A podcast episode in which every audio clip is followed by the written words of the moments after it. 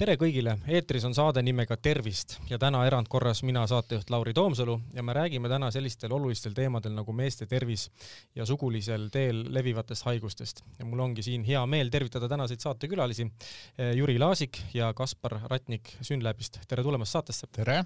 ja tere! ja ma annangi teile võimaluse kohe iseennast eh, tutvustada, et eh, kes te olete ja mis ametit te Synlabis peate, et alustame, Jüri, äkki sinust mina olen äh, Synlabis viimased kolm pool aastat töötanud äh, laboriarst konsultandina. Äh, mis see amet endast kujutab, on see, kui patsiendid tulevad meile analüüse andma ja neil tekib küsimusi, siis mina olen see, kes neile need vastused lahti, hiljem ka annab, lahti selgitab. lahti seletab ja, ja teeb niinimetatud konsultatsioone sellel teemal. sinna kuuluvad nii üksikanalüüsid kui paketid, nii et igapäevane töö, aasta maht on kuskil tuhat kakssada, tuhat viissada patsienti. päris suur number on küll jah. kas see seda... patsientide arv on aastatega kasvanud pigem või kahanenud? ma ei ole sellist statistikat teinud, aga see on kindlasti on natuke erinev, erineb ka aasta lõikes.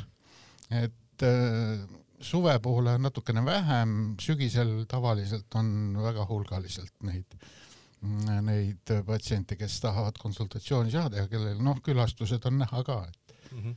et äh, külastusi Synlabis on oluliselt rohkem. Kaspar?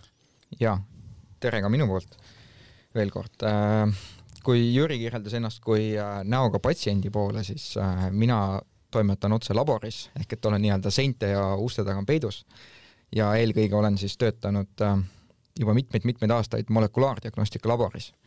et niisugune keeruline nimetus, lihtsamas keeles siis on see üks sellest laboridistsipliinidest, kust me eelkõige näiteks otsime erinevaid infektsioonhaiguseid või ka määrame näiteks äh, geneetilisi mutatsioone, mis on päritud, et, et selline nii-öelda spetsiifiline laboridistsipliin ja infektsioonhaiguste valdkonna alla otse loomulikult kuuluvad ka erinevad siis sugulisel teel levivad infektsioonid, millest meil tänases saates juttu tuleb. tuleb kindlasti juttu ja, ja kohe hulgim.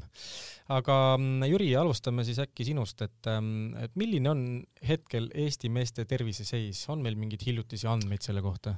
Äh, päris värskeid andmeid ei ole, aga on üks äh, väga huvitav uuring, millele ma just hiljuti peale sattusin, mille kokkuvõtteid veel tehtud ei ole, aga mille mm, viisid läbi äh, Tartu äh, Ülikooli meestekliinik ja Tervise Arengu Instituut. Ja see toimus eelmise aasta jooksul, haaras see kolm tuhat kolmsada ja natuke peale meest, äh, siis ja ja uuriti seal siis mitmest küljest nii, nii üldhaigestumisi kui ka spetsiifilisi meeste äh, haiguste riske ja äh, esialgsed tulemused või, või äh, prognoosid tegelikult olid sellised, et prognoositi, et et selliseid üldhaigestumisi äh, või üldhaigusi ja üldhaiguste riske kahekümnel protsendil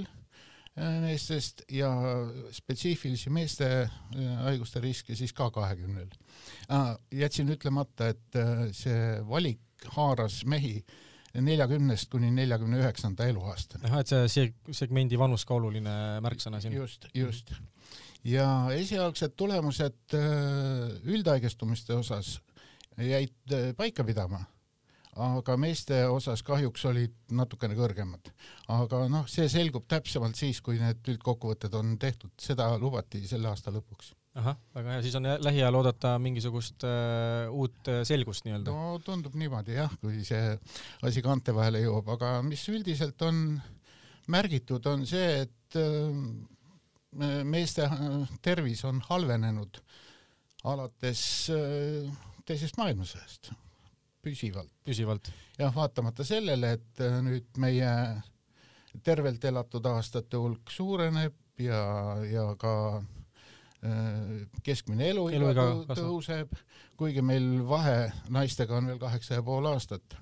aga noh, see vahe naistega on ka mujal maailmas, et ega see päris niimoodi, kuigi öeldakse, et tahame saada sinnamaani, et see vähemalt öö, oleks võrdne. ma kardan küll, et me ei natuke pikk tee minna, natuke pikk tee minna. kui hoolas või järjepidev on Eesti mees üldse tervisekontrollis äh, käimisega, et on siin olukord, ma ei tea, võtame viimased kümme aastat, on siin mingeid muutusi? kümne aasta jooksul ma ei julge nagu päris öelda midagi, aga viimased aastad, mil mina olen otseselt patsientidega tegelenud, on küll. Et on paranenud? on paranenud ja noh, hea näitaja on see, et see kontingent, kes pöördub, nooreneb. ja siin ma tahaksingi öelda ühe Ameerika professori lause selle kohta, millal siis mees peaks arsti juurde pöörduma, et see aeg, kui härrasmees tuli seltskonda, ütles, et ma sain viiekümne aastaseks ja ma käisin täna esimest korda arsti juures, et see aeg ei ole enam või see käitumine ei ole enam cool, et tegelikult peaks alustama vähemalt kolmekümnendal eluaastal. et siis sa oled, see on niisugune tõsiseltvõetav, tõsiseltvõetav, just. -huh ja mis meil alguses oli niimoodi, et patsientidega suheldes väga paljud ütlesid, et mõtlesin muidugi, et väga tore, et te selle paketi või need analüüsid tegite. nojah, naine ostis mulle või naine käskis. nüüd see jääb järjest vähemaks. mehed järjest rohkem ütlevad, et äh, ei, ma ikka ise tunnen ka, et peab aega peab kontrollima. ja kõige noh, niisugune sagedasem asi on see, noh, et kui auto käib iga aasta ülevaatusel või, või teeninduses, et no miks siis mina ei peaks käima, see on väga, väga terve, väga terve tehnika ju, ju seegi selles mõttes, et meie organismi just, tehnika nii-öelda. ja, ja selles suhtes on tõesti paranenud see käitumine ja läheb järjest paremaks. seda on rõõm kuulda. mis asi on pikema sõpruse päev? pikema sõpruse päev on mõned aastad tagasi nagu eraalgatuse korras eh, tehtud kampaania, kus siis kutsuti üles sõpruskondi tulema kokku ja veetma üks päev koos. see ei tähenda ainult seda, et me teeme seal endal laboriuuringuid või midagi niisugust, et lihtsalt oleme koos, tunneme ennast hästi, eh, maandame pingeid ja, ja sealhulgas ka siis teeme koos endal Te tervis, terviseuuringu mm. -hmm.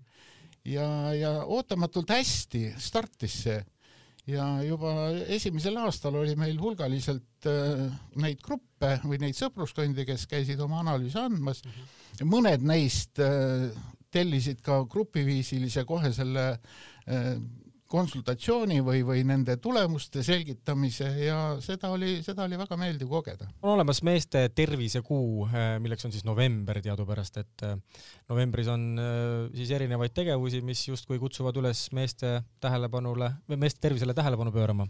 miks seda tervisekuud on vaja, et kas muudel kuudel ei, ei ole nagu oluline või ei juhtu midagi või et, või et, et miks seda kuud on vaja?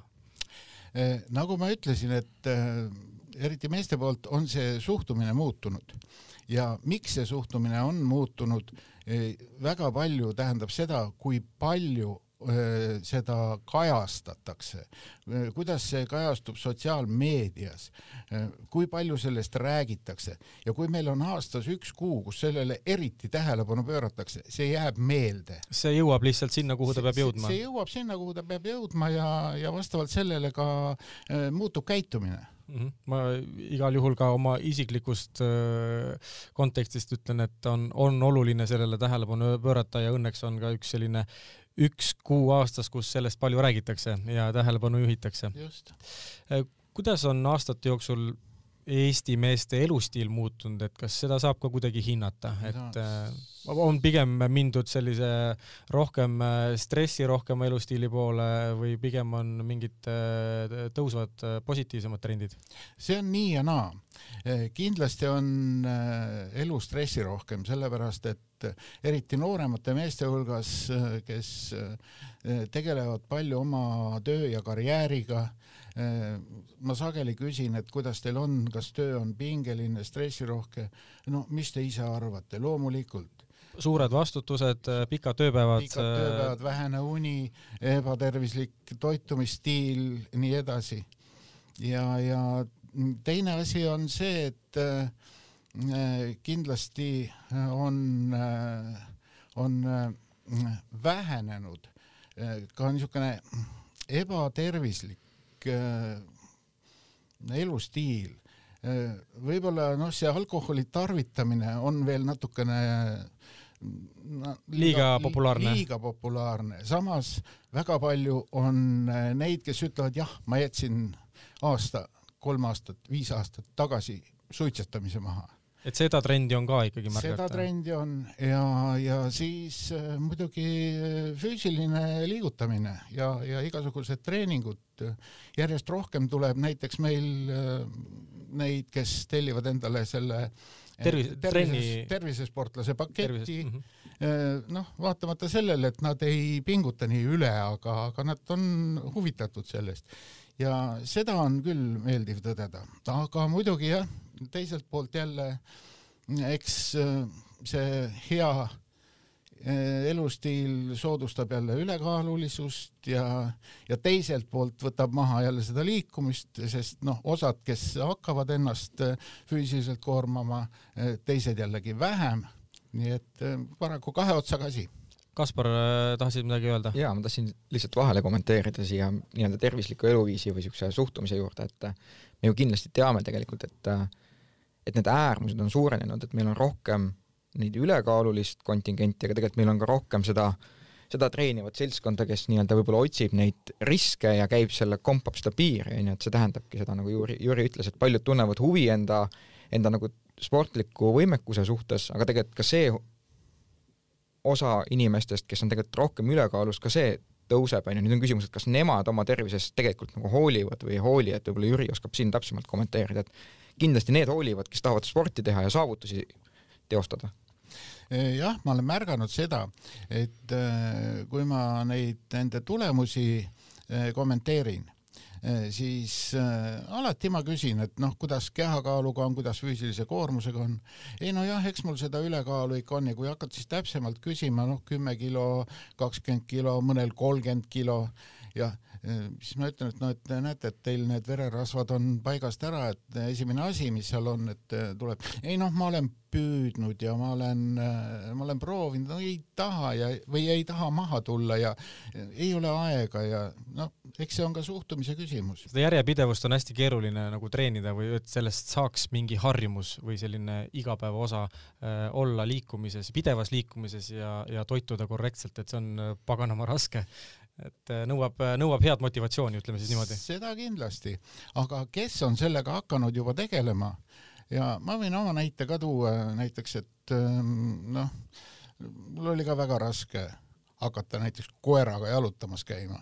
koer oli see, kes viis mind õue, aga nüüd on niimoodi, et mina viin koera vaatamata sellele, milline on ilm ja koer ei taha minna. koer on võtnud teise positsiooni. on võtnud teise positsiooni, just mul on hakanud silma kaks sellist huvitavat paketti. Äh, teie tootevalikus on mehe tervisekontroll ja pikema sõpruse pakett.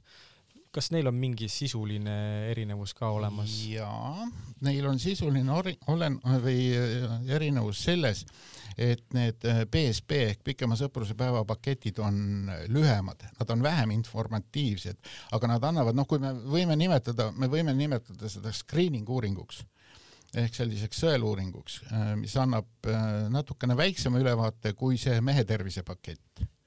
ja erinevus kõigepealt äh, kuni kolmekümne viiestel ja, ja pluss kolmekümne viiestel on see, et et üle kolmekümne viiestel on lisaks teistele analüüsidele on seal sees veel ka eesnäärmemarker ehk PSA ja kusihappe mm. -hmm. Need kaks tükki on, see on erinevus.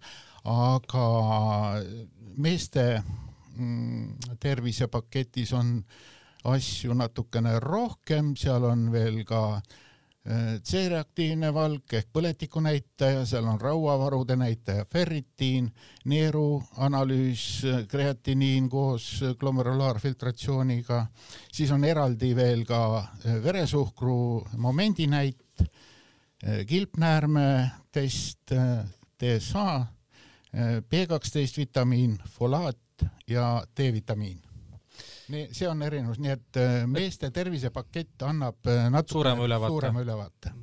Äh, mul tuli kohe sinu jutust üks jätkuküsimuse mm, mõte, mida ma tahaks küsida, et kas saab üldse väita või öelda, et, et sellise mehe nagu sellise power'i taga tegelikult on üks suguhormoon, milleks on testosteroon?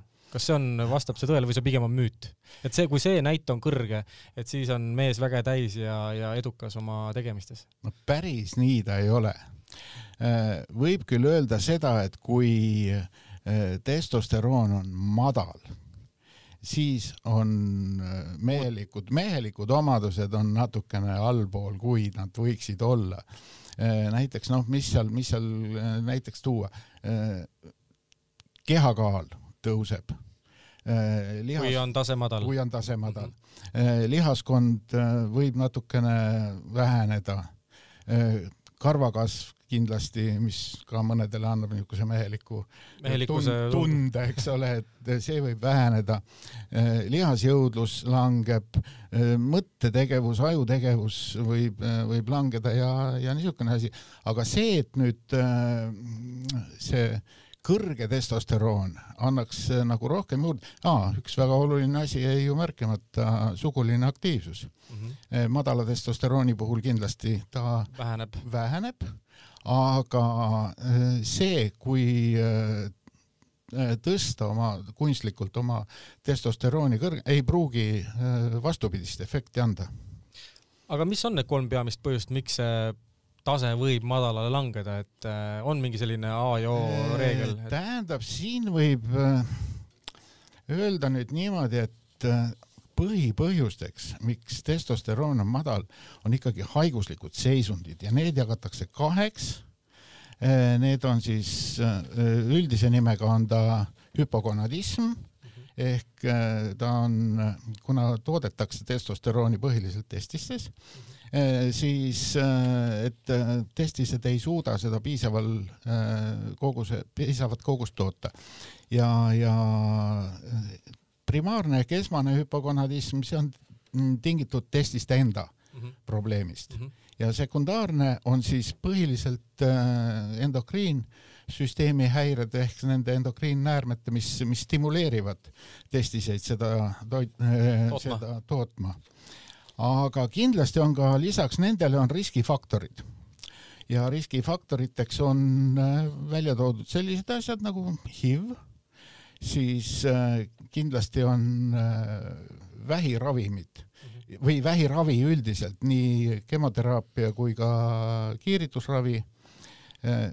vanusega langeb testosteroon, hakkab langema juba alates kahekümnendast eluaastast. isegi nii varakult? just, kui ta on jõudnud tippu nagu ma ütlesin, siis eh, ka eh, kehakaalu tõus või noh, õigemini rasvumine, see on meestearstide sõnul muidugi kahe otsaga asi. esiteks rasvumine võib põhjustada testosterooni langust, teiselt poolt testosterooni langus ise võib viia rasvumiseni ja, ja siis üks põhjus veel või riskifaktor, mis on toodud, on vaegtoitumus, mida meil noh, ilmselt ehk siis sööme vähem. sööme vähem, kui, kui meil keha nõuab. pigem on meil vastupidised Just. Äh, tegevused. kas mingit äh, inimest vaadates ka visuaalselt on mingid välised märgid, ütleme noh äh,, rasvumine on võib-olla lihtne märgata, kas on veel mingid välised asjad mis võivad justkui viidata madalale testosterooni tasemele no,? mingid nahaprobleemid või juustega või küüntega? juustega ongi, nagu ma mainisin siin juba, et karvakasv võreneb, siis võib Äh, tekkida noh, selline kergelt naiselik kehakuju, noh, see on seotud ka ülekaalu. kas see siis naishormoon äh, tekib asemele kuidagi? östrogeen vist oli see, eks ju? östrogeen jah, seal see östrogeeni ja testosterooni tasakaal või selle androgeeni tasakaal, see lihtsalt nihkub ja see läheb paigast ära. just, ja see on, see on noh, ja võivad ka teatud määral rinnad kasvada ja mm -hmm. nii edasi. kas on mingid toidulisandid, vitamiinid, äh, nende valik on tänapäeval väga suur, et on mingid väga konkreetsed äh, vitamiinid, mis näiteks mehe tervist äh, võiksid igapäevaselt turgutada, et ja mida, mida me saame ka toidust tegelikult, eks ju, et lihtsalt on, ongi see korrapärane toitumine ja, ja, ja korrektne toitumine on siis justkui nagu selle võti, aga kas on midagi, mida veel sellises kiires ja muutuvas elutempos midagi näiteks inimesed võiksid juurde tarbida, et, et mis on nagu oluline ja mis aitab tegelikult natukene kaasa? no on, neid on välja toodud ja, ja on ka erinevaid arvamusi selle kohta. On sellised, mis otseselt tõstavad testosterooni. Ja, ja teiselt poolt on siis need, mis äh, nagu aktiveerivad sugulist aktiivsust. Ja testosterooni öeldakse, et tõstvateks asjadeks kõige lihtsamad ja, ja kõige füsioloogilisemad võib-olla on on aspartaat, aspart eh, ehk see on üks naturaalne amiinohappe mm, -hmm. Kindlasti D-vitamiin mm, -hmm. millest on palju räägitud praegu ja millesse teatud ajal suhtuti eh, isegi kerge niisuguse skepsisega, skepsise ja irooniaga, et oh, see on niisugune moekaup ja, ja niimoodi, mis, millesse ka on tegelikult hakatud praegu väga tõsiselt suhtuma. ja, ja siis äh, on üks Eh, hormoonpreparaat ka dehüd-, dehüdroepiandosteroon, mida, mida saaks tarvitada just testosterooni tõstmiseks.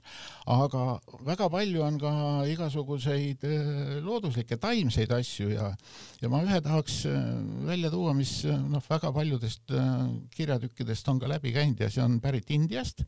ma ei leidnud talle eestikeelset vastust, aga seal nimetus on tal ashwagandha ja, ja on see no, mingil marja kujul või mingi või taim või, või kuidas see on? ta on mingi taimeekstrakt. taimeekstrakt, jah. taimeekstrakt, aga noh, nagu me teame, Indias on see äh, sekskultuur on ju väga kõrgel tasemel mm -hmm. või see mm, ja, ja sealt on äh, tulnud ka lisaks sellele ilmselt -hmm. neid päris palju. -hmm. aga meil kättesaadavamatest asjadest võib-olla ingver, ingver tuuakse, ingver tuuakse välja, et kindlasti... kas ka küüslauk näiteks? Äh, ei ole kuulnud. tsink mingid magneesium, mingid sellised. Äh, tsink on kindlasti üks, äh, üks asi, mis peab olema normis ja, ja kui mm -hmm. see tsink on langenud, siis võib, võib ta põhjustada nagu, erinevaid muresid. erinevaid muresid, just kas ähm, aktiivne sportimine parandab ka kuidagi näiteks mehe viljakust ja noh, üleüldiseid tervisenäitajaid kindlasti, aga kas ka viljakust konkreetsemalt? Äh, no tähendab, kui, kui et verevarustuse paranemine näiteks? verevarustuse paranemine, kui sul on testosteroon korras, äh, füüsiline aktiivsus, äh, eriti tuuakse välja just tegutsemine jõusaalis otsene äh, jõu äh, arendamine tõstab testosterooni, kuigi lühiajaliselt, kui sellega pidevalt äh, tegeleda, siis ta hoiab teda ilusti normis, normi tasemel. aga kui jätta uuesti järgi, siis hakkab langema. hakkab langema. ja kui nüüd võtta tippsportlased, siis noh need inimesed, kes tahavad, need sportlased, kes tahavad endale neid muskleid kasvatada kõvasti ja, ja noh, kes tahavad äh, sellised äh, head välja näha, kes kasutavad testosterooni lisaks mm. -hmm. Neil on see testosterooni tase väga kõrge mm. -hmm. aga see võib omakorda tuua vastupidise efekti, et äh, see loomulik testosteroon, kehaomane testosteroon, tema tootmine võib väheneda ja kui me jätame selle lisatestosterooni võtmata, või jah, eh, katkestame selle, siis see eh, kehaomane testosteroon võib hoopis langeda mm. -hmm. aga treeningu juures on see, et kestvustreeningud, eriti tuuakse välja just maratonijooksjad ja jalgratturid mm. -hmm. et et kas neil on pigem hästi? pigem vastupidi. vastupidi. pigem vastupidi. küsimus on selles, et äh, sellise kestvustreeningu jooksul ühe teise hormooni, äh, neerupealise hormooni kortisooli tase tõuseb ja kortisool pär-, pärsib äh, testosterooni tootmist. just mm. -hmm ja, ja see on, see on siis selline niisugune. ma ise maratoni jooksnud pole, küll aga olen jooksnud äh, mitmeid poolmaratone, et äh, ma ütlen ausalt, et finišis on hea tunne küll, aga, aga kogu selle jooksu vältel alates näiteks viieteistkümnendas kilomeetris on keha ju tegelikult väga suures stressiseisundis.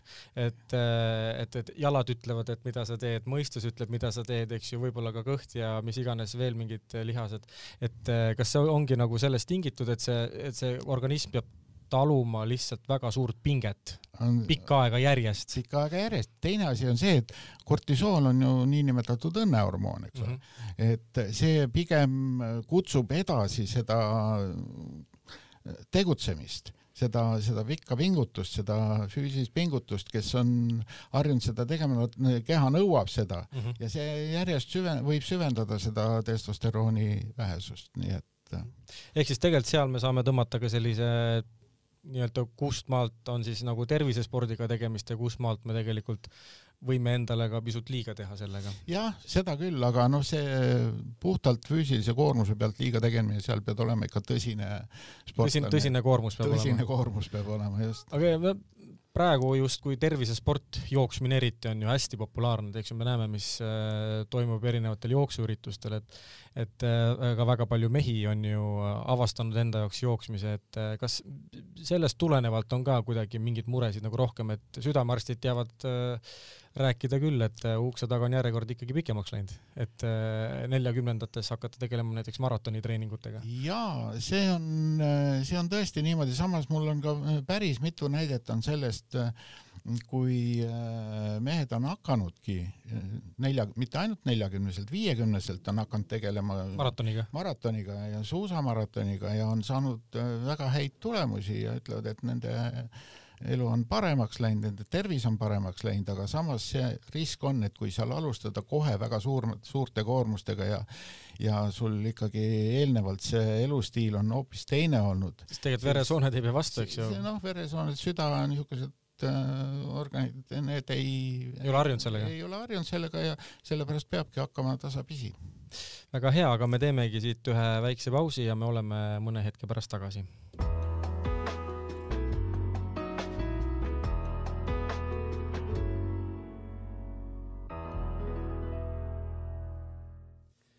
oleme pausilt tagasi ja jätkame siit äh, põnevate meeste tervist puudutavate teemadega, et äh, Kaspar, äh, jätkame, jätkame sinuga. ja jätkame selliste jätkame sugulisel teel levivate haiguste teemadel, et milline on Eesti meeste seis hetkel suguhaiguste rindel, on meil mingisugust infot või andmestikku, mis kirjeldaks seda olukorda kuidagi?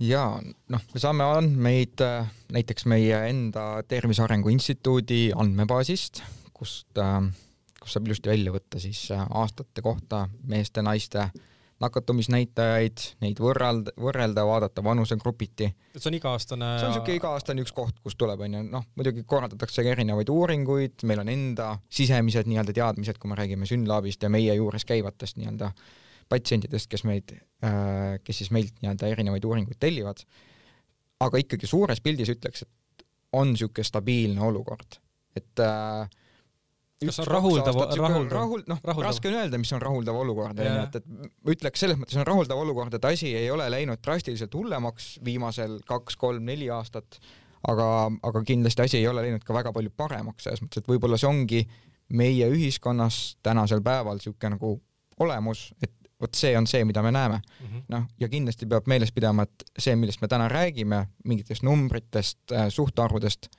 see põhineb sellel, sellel infol, mida me teame. et kindlasti on ka olukorda, kus äh,, mis on nii-öelda telgitagune, mida me ei näe, ehk et need inimesed, kes siis ei käi testimas näiteks, kes ei käi arsti juures, kes ei kurda oma muret jah, me selle äh, testimiste juurde, ma tahan sellest kindlasti veel mõne hetke pärast rääkida, et äh, aga kui nüüd konkreetsemalt rääkida, millised on meeste seas sugulise teel levivad kõige sellised, kuidas ma ütlen, enim levinud siis ha mhm. haigused, et mm -hmm. saad sa mõned välja tuua?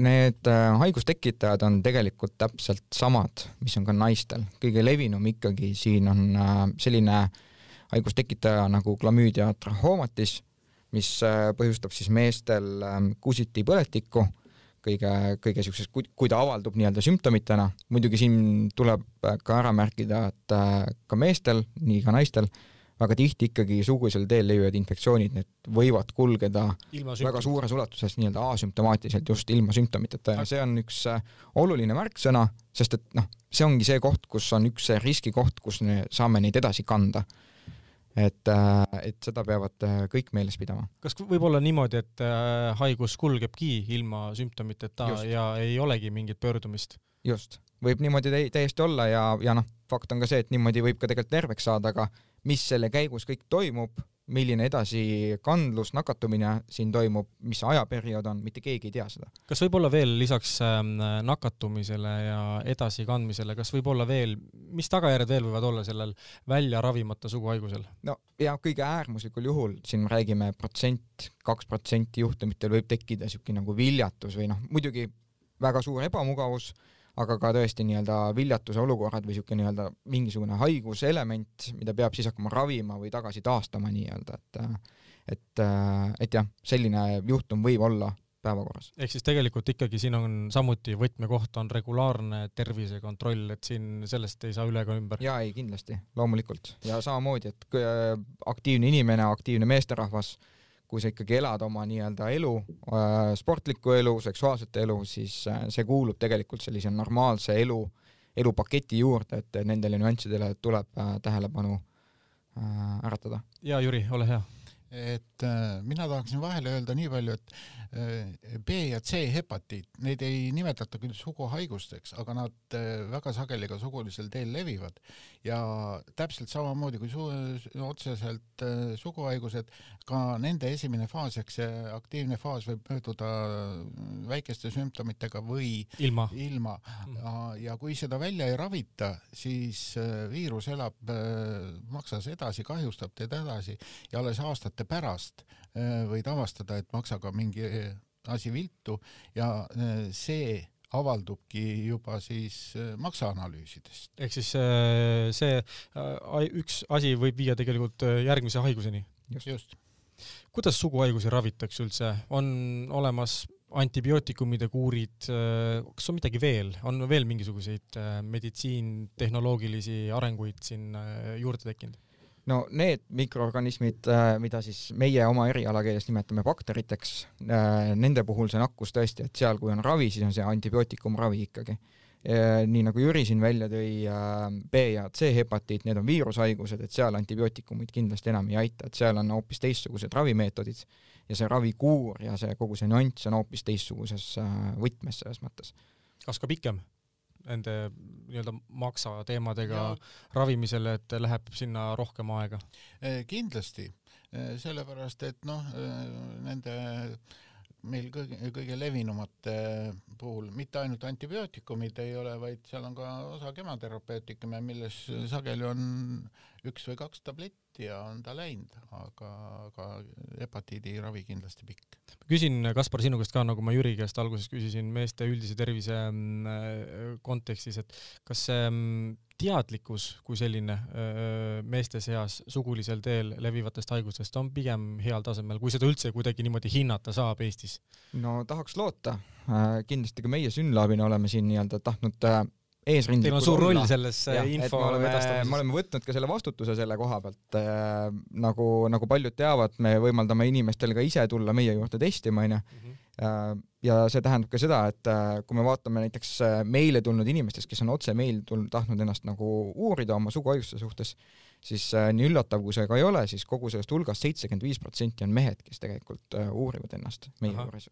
Isegi nii kaks, suur just, erinevus. just, ja see on tegelikult, kui nagu mõtestada, siis on see niisugune nagu võib-olla ongi, ma ei tea, iseloomulik, arusaadav, et, et naised käivad oma naistearstide juures niimoodi avalikult, kõik on niisugune nagu elav aga mehed tihtipeale ikkagi natuke häbenevad või see ei ole niisugune nagu avalik teema, onju, ja siis leitakse niisugune nii-öelda, ma ei taha öelda nagu tagatoa lahendus, aga noh, mitte nagu nii avalik lahendus. et helistan äh, anonüümselt kuskile laborisse, panen aja kinni ja mulle tehakse test ja pärast on mul tulemused kuskil meili peal, eks ju. just, just. kuigi ise olles käinud androloogi juures, meestearsti juures vastuvõtul, minu arust täiesti normaalne protseduur selles mõttes, et äh, mitte see, et sul ei tehta ainult uuringuid, vaid sa saad ikkagi inimesega rääkida, sa saad konsulteerida, sa saad võib-olla natuke avada mingeid teemasid, mida sa muidu nii-öelda mingist pakendist või infolehest ei saa ju.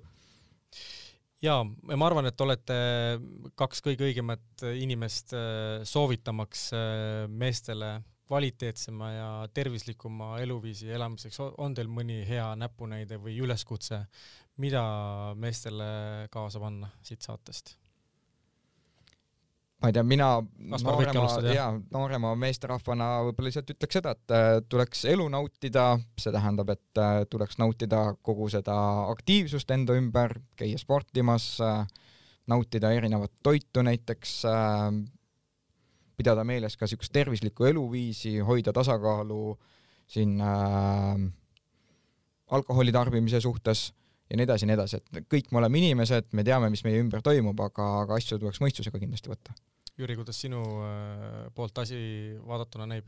Äh, ühinen Kaspariga ja lisaks sellele kindlasti äh, hoidke oma kehakaal kontrolli all, katsuge ka lisaks sellele aktiivsele tööle, eriti noored inimesed ja noored mehed, puhata ja see mitte niimoodi, et me puhkame aastas kuu aega, vaid katsuge ikka iga päev, sellepärast et stress ja depressioon on need, mis meie tervist ikkagi väga hullusti kahjustavad.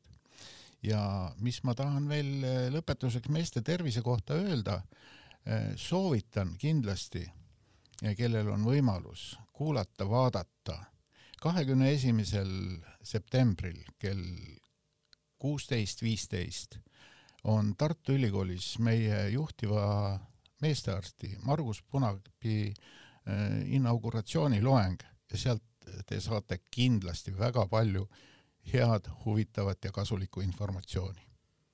ja nende tarkade mõtteteradega me võtame oma saate siin kokku, et saade oli Tervist ja mina olen saatejuht Lauri Toomsalu ja mul olid täna külas äh, sellised mehed nagu Jüri Laasik ja Kaspar Ratnik Synlabist. aitäh teile tulemast ja neid olulisi teemasid minuga kaasa mõtlemast. Äh, saade on leitav Delfi taskukeskkonnast, Spotify ja Apple podcast rakendustest. aitäh teile kuulamast ja järgmise korrani